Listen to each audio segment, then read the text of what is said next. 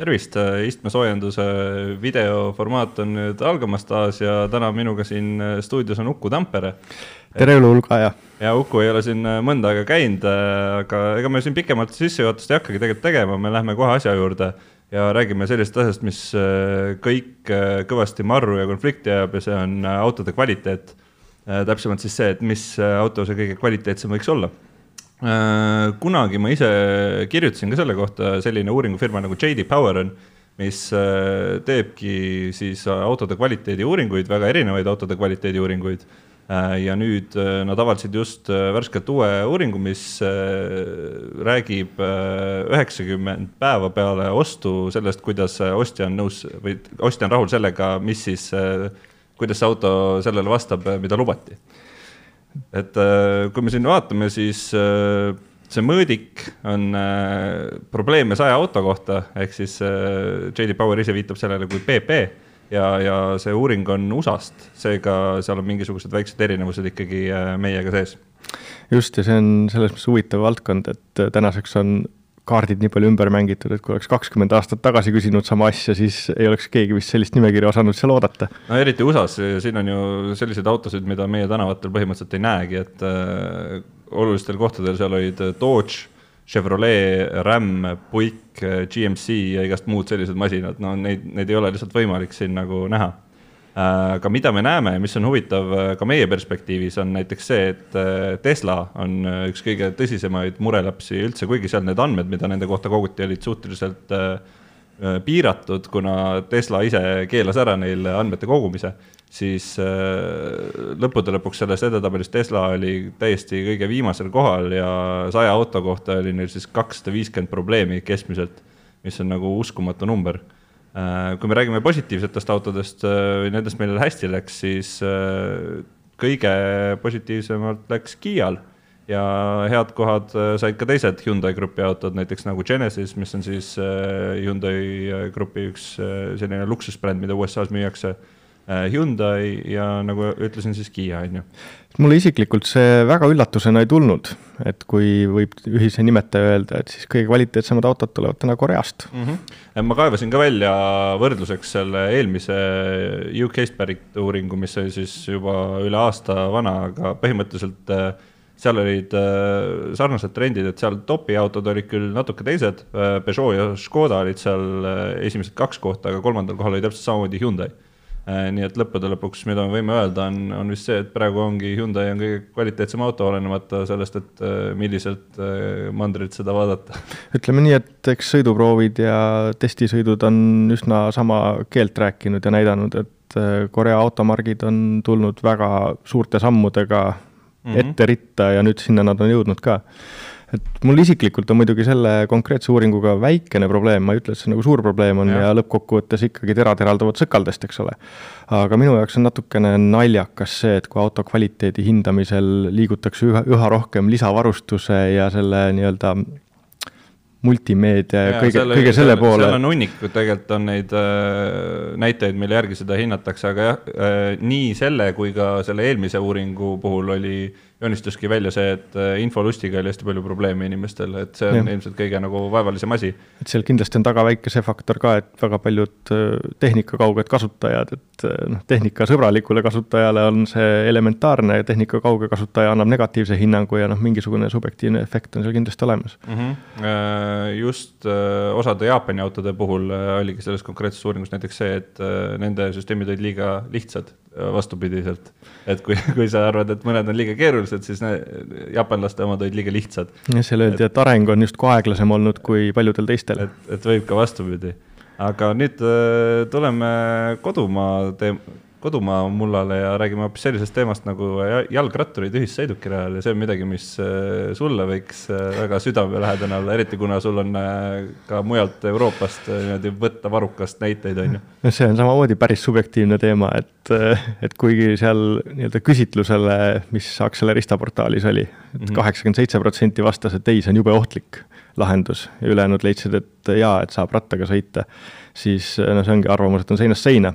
ma võib-olla alustaksingi sellest äh, Euroopa kogemusest mm, -hmm. et äh, tegelikult ju Hollandis ja Inglismaal terve Londoni linn põhimõtteliselt ongi sellist lahendust täis noh, Hollandis loomulikult on veel ka jalgratast ja kiirteed eraldi, aga autod ja jalgrattad ja bussid on äh, nii Hollandis kui Inglismaal ühele samale rajale pandud. ja seal see süsteem toimib, peamiselt siis äh, see, sellel põhjusel, et jalgrattaid on tohutult rohkem võrreldes meiega, et siin autojuhid unustavad ära, et jalgratturid üldse liikluses olemas on. Äh, teiseks on mõlemas nimetatud riigis jalgratturitele antud oluliselt rohkem õigusi lausa eesõigusi mingisugustes kohtades, et see, et jalgratturid, motorollerid ja mootorrattad ristmikel punase tule taha ette ronivad, see on seal liikluskultuuri päris osa mm. -hmm.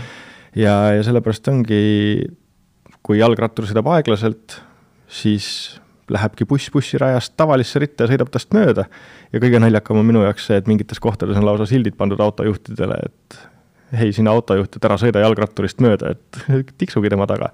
kuigi peab veel mainima selle ka, et naljakal kombel Londonis suurem osa jalgrattureid sõidavad sportratastega, on oma liibuvas lükras ja sõidavadki kolmkümmend, nelikümmend kilomeetrit tunnis mm. -hmm. mis tähendab seda, et autod ei jõuagi järgi, kuna kiirusepiirang on kolmkümmend kilomeetrit tunnis.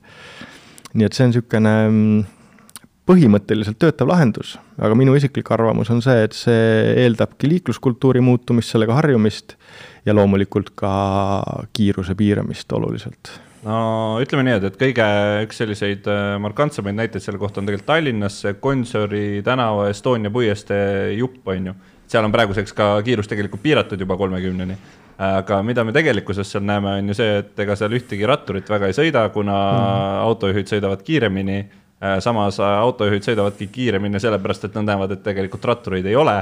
et see on selline nagu nokk kinni, saba lahti olukord, et mõlemad probleemid on olemas, aga tegelikult mingit nagu mõistlikku lahendust sellel ei ole, ilmselt peab nagu lihtsalt politsei sinna pidevalt istutama ja hakkamagi lihtsalt kõigile trahve kütma, kes seal üle selle kolmekümne sõidavad, on ju. siin on kaks head eksperimenti, et kui panna mobiilne kiiruskaamera püsti, et siis kui palju ta seal plõksima peab no,. see oleks, ma arvan, et äh, riigieelarve oleks juba need laenud, need laenud, mis siin tulevikus tahaks võtta, need saaks juba tagasi makstud selle ajaga.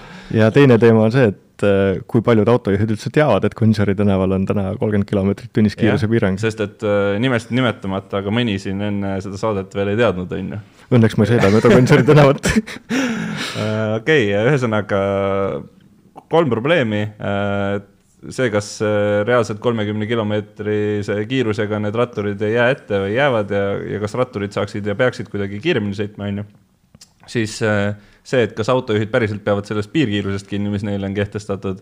sellest me räägime veel teises pooles natuke juurde. ja, ja siis tegelikult on äh, veel üks äh, mõte, mis just siin praegu Delfi roolis ei loe kampaaniaga seostub, on see, et kui need kiirused nüüd tõmmata terves linnas alla niimoodi, et see kiirus olekski kolmkümmend, niimoodi nagu Londonis on, et sa sõidad üle linnapiiri, on kolmkümmend, siis tegelikult ma arvan, et sealt tuleks ka juurde selline probleem, et inimesed hakkaksid võib-olla liialt palju tegelema autoroolis kõige muuga kui sõitmisega.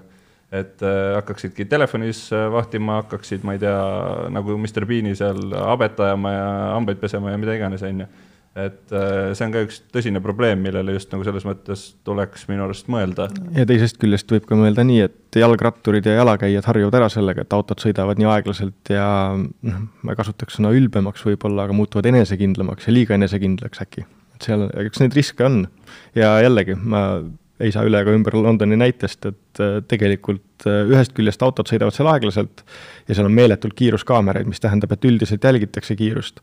aga jalakäijad, et nende jaoks on üsna ükskõik, kas on fooris punane tuli, kust nad üle silkavad ja neid on nii palju, ehk siis äh, mõnes mõttes on nagu jalgratturid ja jalakäijad seal võimu, võimu enda kätte võtnud autode käest, kuigi see ilmselt on ka väga paljude poliitikute soov. soov ja kindlasti on see tegelikult ka jalakäijate ja jalgratturite soov ja, ja mõnes mõttes on see ka normaalne, et aga see tasakaalupunkti leidmine ongi nagu keeruline. võib-olla lausa tulevikumuusika, aga noh, ilmselgelt meie peame niisuguste liikluskultuuri ilmingute ja osadega veel harjuma siin Eestimaal äh, nüüd räägime ühest huvitavast äh, sõidumasinast, mida, millest siin äh, meedia pikemat aega kihanud on, see on Nikola mitte Tesla, vaid Nikola äh, Badger ja see on siis äh, elektriline pickup äh,, mis plaanitakse avalikustada päriselt äh, alles neljandal detsembril, aga ettetellimine juba täie hooga käib äh,, seal on selline huvitav deposiidisüsteem, et äh, pane raha sisse, nii palju, kui sa omalt poolt paned, nii palju paneb see ettevõte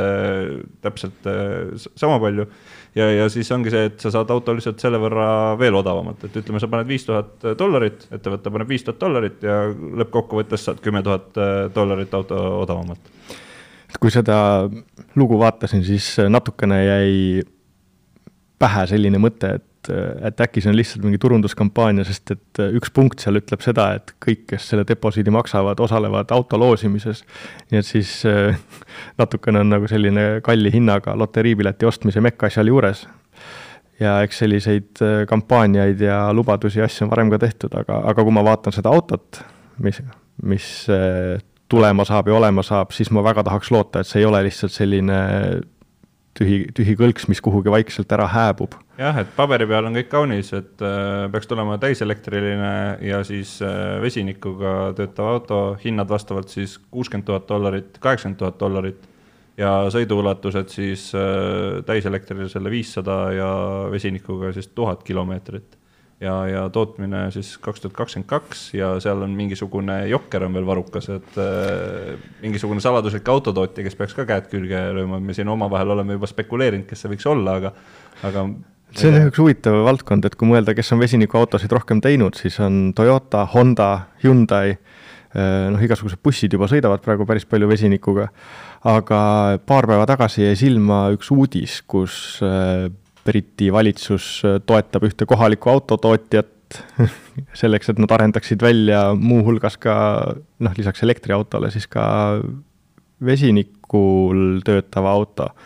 Ja siis arvestades seda, et sinna on viimasel ajal kerkinud ka päris palju vesinikutanklaid, mida isegi on nagu mm -hmm. näha, siis äh, siis mõtleks nagu selles suunas, et kui Jaguar Land Rover on see, kes seda arendustoetust saab ja nende emafirma on Tata, siis aga noh, see on täiesti, täiesti suvaline, eks, spekulatsioon. see võib, see võib sama hästi olla ükskõik mis teine autotootja, seal võib samamoodi leida mingisuguseid ja. loogilisi lahendusi, et igaüks võib siin omad panused panna, et kes see olla võiks. ja üldse ongi tänapäeval ju kõik nii läbi põimunud, et kui mõelda, et kust tulevad nendele Jaguari Land Roveri autodele elektriajamid, siis need tulevad hoopis BMW-lt, nii et et see on, ja Ford on tegelenud vesinikuga, nii et et kõigil on äh, omad huvid sees. aga sellest me saamegi teada neljandal detsembril, siis kui on see üritus. just, tuleb kannatlik olla.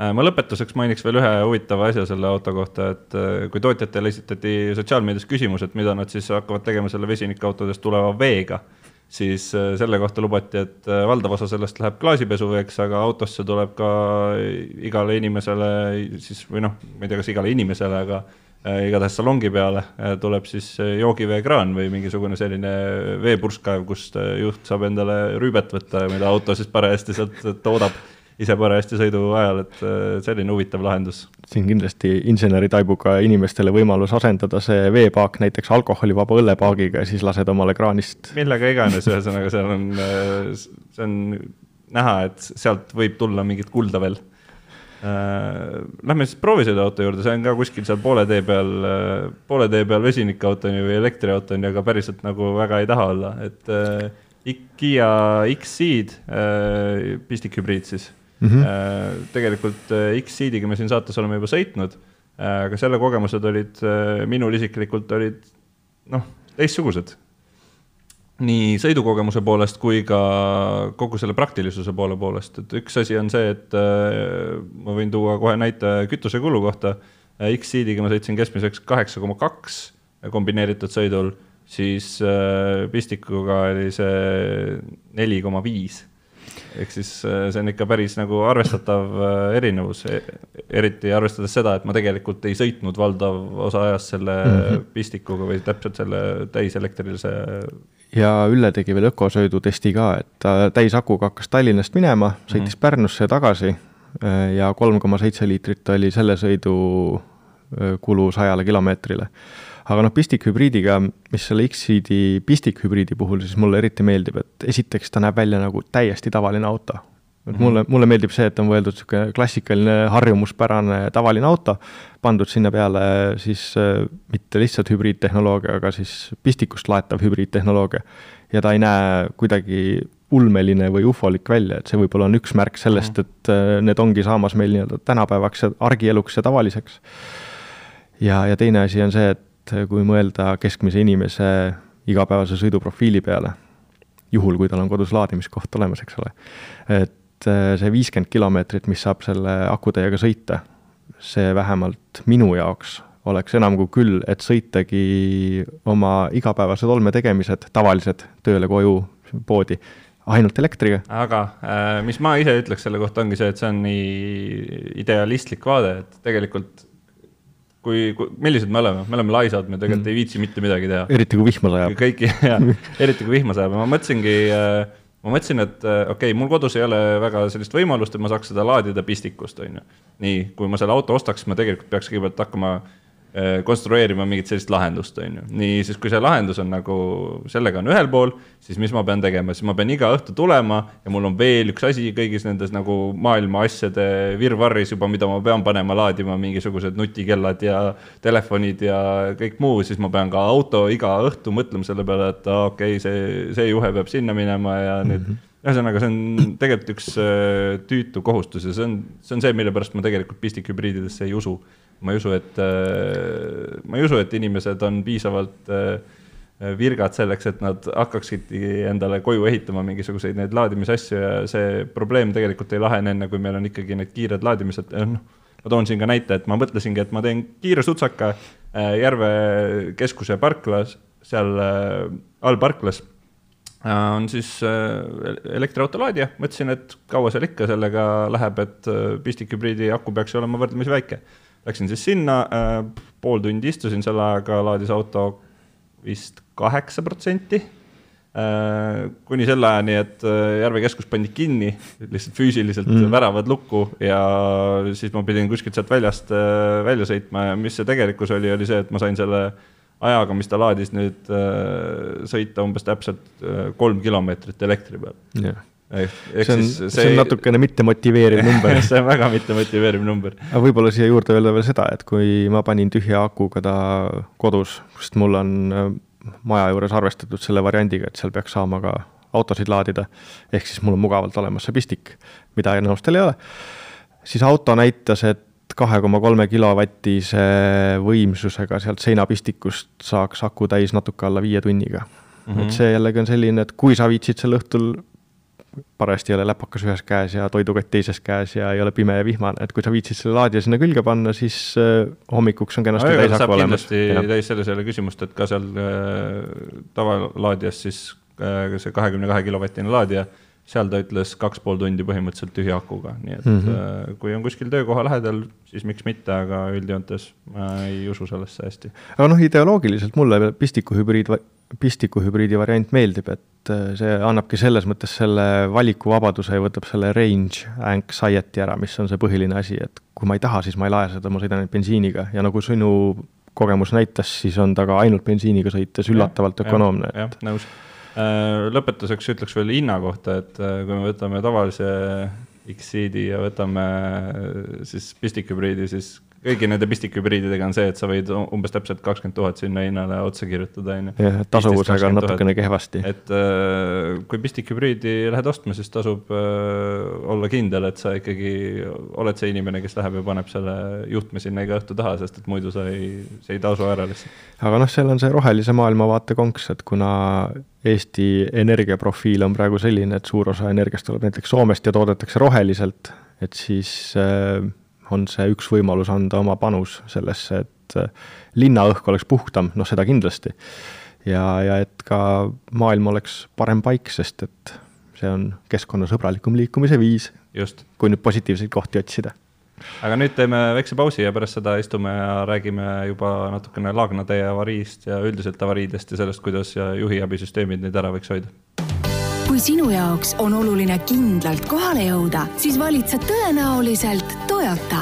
Elke hoolitseb selle eest, et sa oma Toyotast ainult rõõmu tunneksid Tallinnas, Rakveres, Kuressaares ja Narvas. Elke, sinu Toyota, meie kirg äh, nüüd on äh, meil siis stuudios äh, lisaks Ukule ka meie toetaja Elke juhatuse liige Raido Rosenfeld ja räägime siis natukene Laagna tee avariist, üldiselt avariidest ja sellest, kuidas juhiabid võiks neid ära hoida. Et äh, siin on hiljuti olnud päris mitu sellist juhtumit, kus keegi kihutab äh,, teeb mingisuguseid möödasõite kuskilt, ma ei tea, kustkohast äh,, sõidab lihtsalt inimesi surnuks, et need on nagu väga tõsised probleemid autode koha pealt, et Toyota on üks sellistest autodest, kus need turvalisuse süsteemid on nii arenenud, et need vähemalt mingil määral võiks aidata seda ära hoida, on ju. Et äh, missugused need juhiabisüsteemid üldse on, mida praegu näiteks ühelt Toyotalt või üldse ühe arenenud auto pealt leiab, et mis selliseid probleeme võiks leevendada? kaasaegse auto pealt leiab äh, väga erinevaid äh, turvasüsteeme ja Toyota puhul võib rääkida nagu kahest suurest kategooriast, mis on aktiivne turvavarustus ja teine on siis passiivne turvavarustus aktiivne turvavarustus on selline varustus, mis aitab juhti ja, ja hoiatab teda, annab märku ohtudest ja, ja sinna alla kuuluvad näiteks äh, mitteblokeeruvad pidurid, veojukontrollid, stabiilsuskontrollid. Ja Toyota puhul siis äh, Toyota Safety Sense, mis on näiteks kõikidel sõiduautodel standardvarustuses, mis on väga, väga tõhus ja hea abimees. Ja passiivne turvavarustus on ju, on siis selline varustus, mis sekkub juba siis, kui õnnetus on juhtunud ja, ja need on siis turvapadjad, äh, eelpingutusega turvavööd äh, ja, ja energiat neelav, neelav kerekonstruktsioon näiteks mm. -hmm. lisaks ka sinna alla kuulub e-call, SOS kõne, et hädaabiteenistusse ja, ja sealt siis juba vajadusel ka päästekomando väljasaatmine jah, et just see viimane on äh, tegelikult see, mis on äh, siin hiljuti olnud üks selliseid, mis on üle-euroopaliselt kõikide autode poolt on ju, äh, kõigil uutel autodel peab see olema. et see on selline huvitav süsteem, on ju ma küsiksin ühe niisuguse natuke uudishimu küsimuse vahele, et ütleme, et nüüd juhtubki selline liiklusõnnetus, nagu seal oli. kas see tähendabki seda, et kui oleks olnud seal see e-kooli süsteemiga Toyota, millele otsa sõideti, kas see olekski reaalselt siis kohe helistanud ise üks, üks, kaks ja kutsunud abi kohale äh,? selle e-kooli aktiveerimine, aktiveerumine tähendab nagu, või selle jaoks peavad olema täidetud teatud eeltingimused, ehk siis äh, turvapadjad äh, peavad olema mm -hmm. avanenud äh,. selle süsteemi võib käivitada ka juht ise või siis äh, reisijad ja siis sellele kõnele vastab äh, hädaabi äh, dispetšer, küsib, mis juhtus äh,, vajadusel siis saadab päästekomando, kui nüüd auto aktiveerib ise selle kõne ja sealt vastust ei tule, siis süsteem positsioneerib selle auto asukoha ja saadab siis välja päästekomando, mis tähendab seda, et, et inimeste elude puhul on see aeg on just hästi kriitiline ning iga kokkuhoitud minut ju võib tähendada ka kellegi elu mm. -hmm. Aga kas ja millisel määral need nagu üldine juhiabi pakett või see safety sense, kui, kui palju see üldse võiks sellise õnnetuse eest kaitsta lihtsalt seda inimest, kes ise nagu neid lolle valikuid ei tee, et kui keegi sõidab, ütleme kahesajaga, siis ütleme, kas, kas see näiteks reavahetuse see abimees on ju, mis peaks tuvastama selle, kui keegi kõrvalt sõidab siis kas ta on võimeline tegelikult ka sellise kiiruse pealt seda tuvastama, ütleme, kui näiteks sellel konkreetsel Laagna tee õnnetusel oleks olnud äh, sellel autol, mis rida vahetas, oleks olnud see, see juhiabi olemas, kas see oleks aidanud selle õnnetuse näiteks ära hoida? no siin ma ei tahaks spek-, spekuleerida, et kas see oleks ära hoidnud selle õnnetuse või mitte, et äh, noh, kindel on see, et sellised ekstreemkiirused ei ole mõeldud nagu tavaliiklusesse ja, ja autotootjad päris selliseid kiiruseid arvestades neid süsteeme ei, ei, ei äh, tööta välja mm. -hmm. et äh, kindlasti ta aitab teatud oludes äh, vältida seda õnnetust, kindlasti ta leevendab selle õnnetuse tagajärgi aga öelda niimoodi, et need süsteemid aitavad ära hoida neid õnnetusi, noh, seda mitte nagu, et, et, et aga kindel on see, et, et kui toimub see kokkupõrge ja tegemist on kaasaegse autoga, siis seesama äh, Äh, aktiivne ja passiivne turvavarustus äh, on siis see varustus, mis tagavad äh, nii siis selles autos viibijate ohutuse ja leevendavad seda siis õnnetuse tagajärgi, kui ka siis teiste puhul, et ütleme, et see otsesõit ei, ei ole nii tugev, et süsteem on võimeline teatud oludes ise pidurdama, eelpingutab turvavöösid ja kõik sellised asjad. Mis nüüd puudutab rajalt kõrvale kaldumise süsteemi, et jah, ta kindlasti annab signaali, annab juhile, et sa kaldud kõrvale, äh, korrigeerib vajadusel ka rooli, aga juhil on võimalus muidugi ignoreerida neid teadaandeid ja, ja, ja jätkata oma, oma liiklemist nii, nagu ta liikleb, et mm, -hmm. et selle vastu muidugi ei saa. jah, sellega seoses mul tuleb meelde üks, äh, üks ka juhtum, mis oli paar kuud tagasi seal Pirita teel, kus äh, üks Subaru sõitis äh, täiesti oma sõidusuunast välja, on ju. seal oli ka tegelikult auto, millel olid juhiabid olemas, aga oligi see, et inimesel oli terviserike, gaas oli lihtsalt alla vajutatud, on ju. ja siis ongi see, et lõppude lõpuks äh, on ikkagi juht see, kes saab selle juhi abisüsteemi nii-öelda üle sõita siis tema arvamusest, et kui see juhi abisüsteem ütleb, et kuule, et sa oled ohus, aga juht, juhti see ei huvita ja ta vajutab ikka gaasi põhja, siis selles mõttes ei ole jah, sellest asjast nagu abi, see ongi see, mille pärast ma küsisin, et kas et kas need inimesed, kes nagu, kes muidu on ontlikult sõitnud, et kas see neid kaitseb, et, et okei okay,, aga sain sellele juba vastuse. Äh, viskasid sinna õhku sellise väikse asja, et võrreldes vanema autoga, küsikski siis, et mis võrdluses ütleme näiteks kümne aasta vanuse autoga, siis mis see, mis see tänane, milles need suured erinevused on, et kümme aastat tagasi ju ütleme ABS oli ilmselt juba olemas, äh, veokontroll tõenäoliselt oli olemas, on ju et äh, mis need viimase aja äh, trendid just on ja mis võiks olla veel tulevikus see, mis äh, autodele siis juhiabisüsteemide poolest võiks tulla? turvasüsteeme arendatakse ja täiendatakse pidevalt. et kui mõelda selle peale, et ükski auto täna ei, ei saagi, uus auto ei, ei saagi olla müügis, kui ta pole läbinud turvateste ja ei vasta karmidele reeglitele, et, et, et äh, siis need süsteemid ja nõuded kümne aasta tagustega võrreldes on kindlasti hoopis teistsuguseid.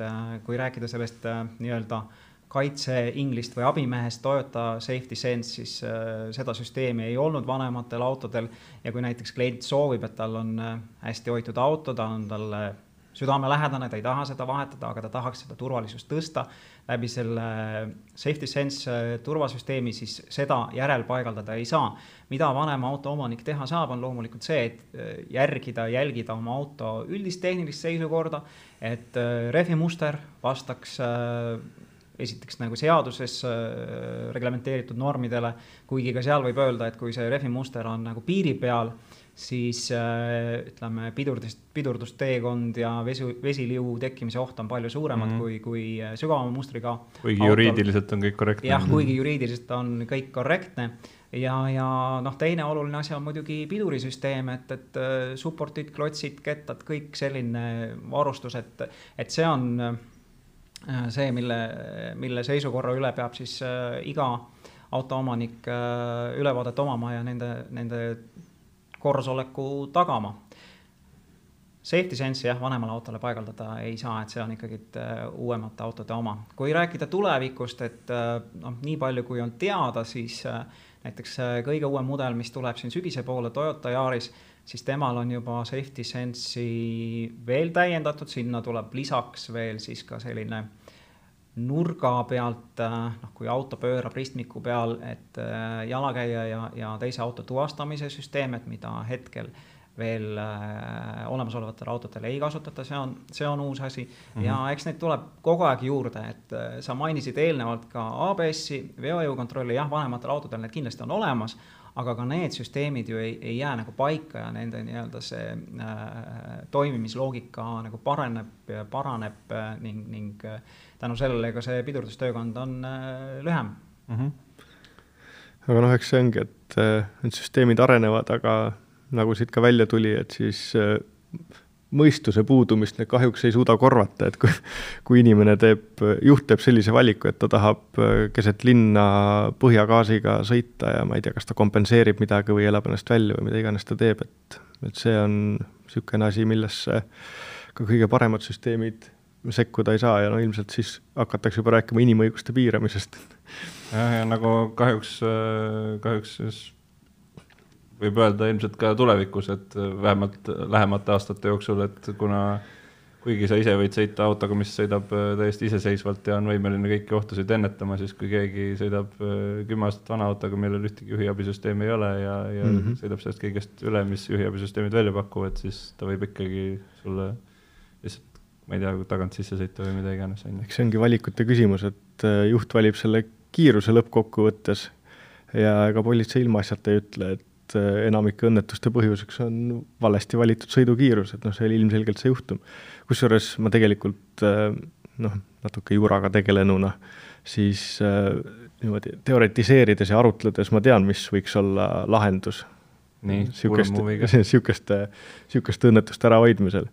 kahjuks õigusriigis ja inimühiskonnas see ei ole ah, ja demokraatlikus maailmas see ei ole aktsepteeritav, aga põhimõtteliselt on nii, et kui kui sellised äh, kihutajad teolt tabamisel koha peal maha lastakse, siis äh, tõenäoliselt pärast teist või kolmandat juhtumit siis ei ületa enam mitte keegi kiirust. ma arvan, et selle lahenduseni me kunagi Eestis ei jõua ja, ja ma arvan, et tegelikult on ilmselt ka parem. aga noh, see on selles mõttes illustreerimaks seda, kui, kui jabur see olukord on, et äh, keegi teebki lihtsalt nii valesid valikuid, et see on see imepisikene osa ühiskonnast, kes ei suuda nii-öelda toime tulla selle normaalse oluga ja ja sama, sama ebanormaalne vastus sellele oleks see mahalaskmine. iga normaalne inimene saab aru, et see ei ole nagu reaalne, eks ole, et. eks need ekstreemkiirused on mõeldud ikkagi äh, ringrajale ja ohutusse keskkonda, et, et täna turvavarustuse, ohutusvarustuse toimimise põhimõte on see, et, et juht juhib,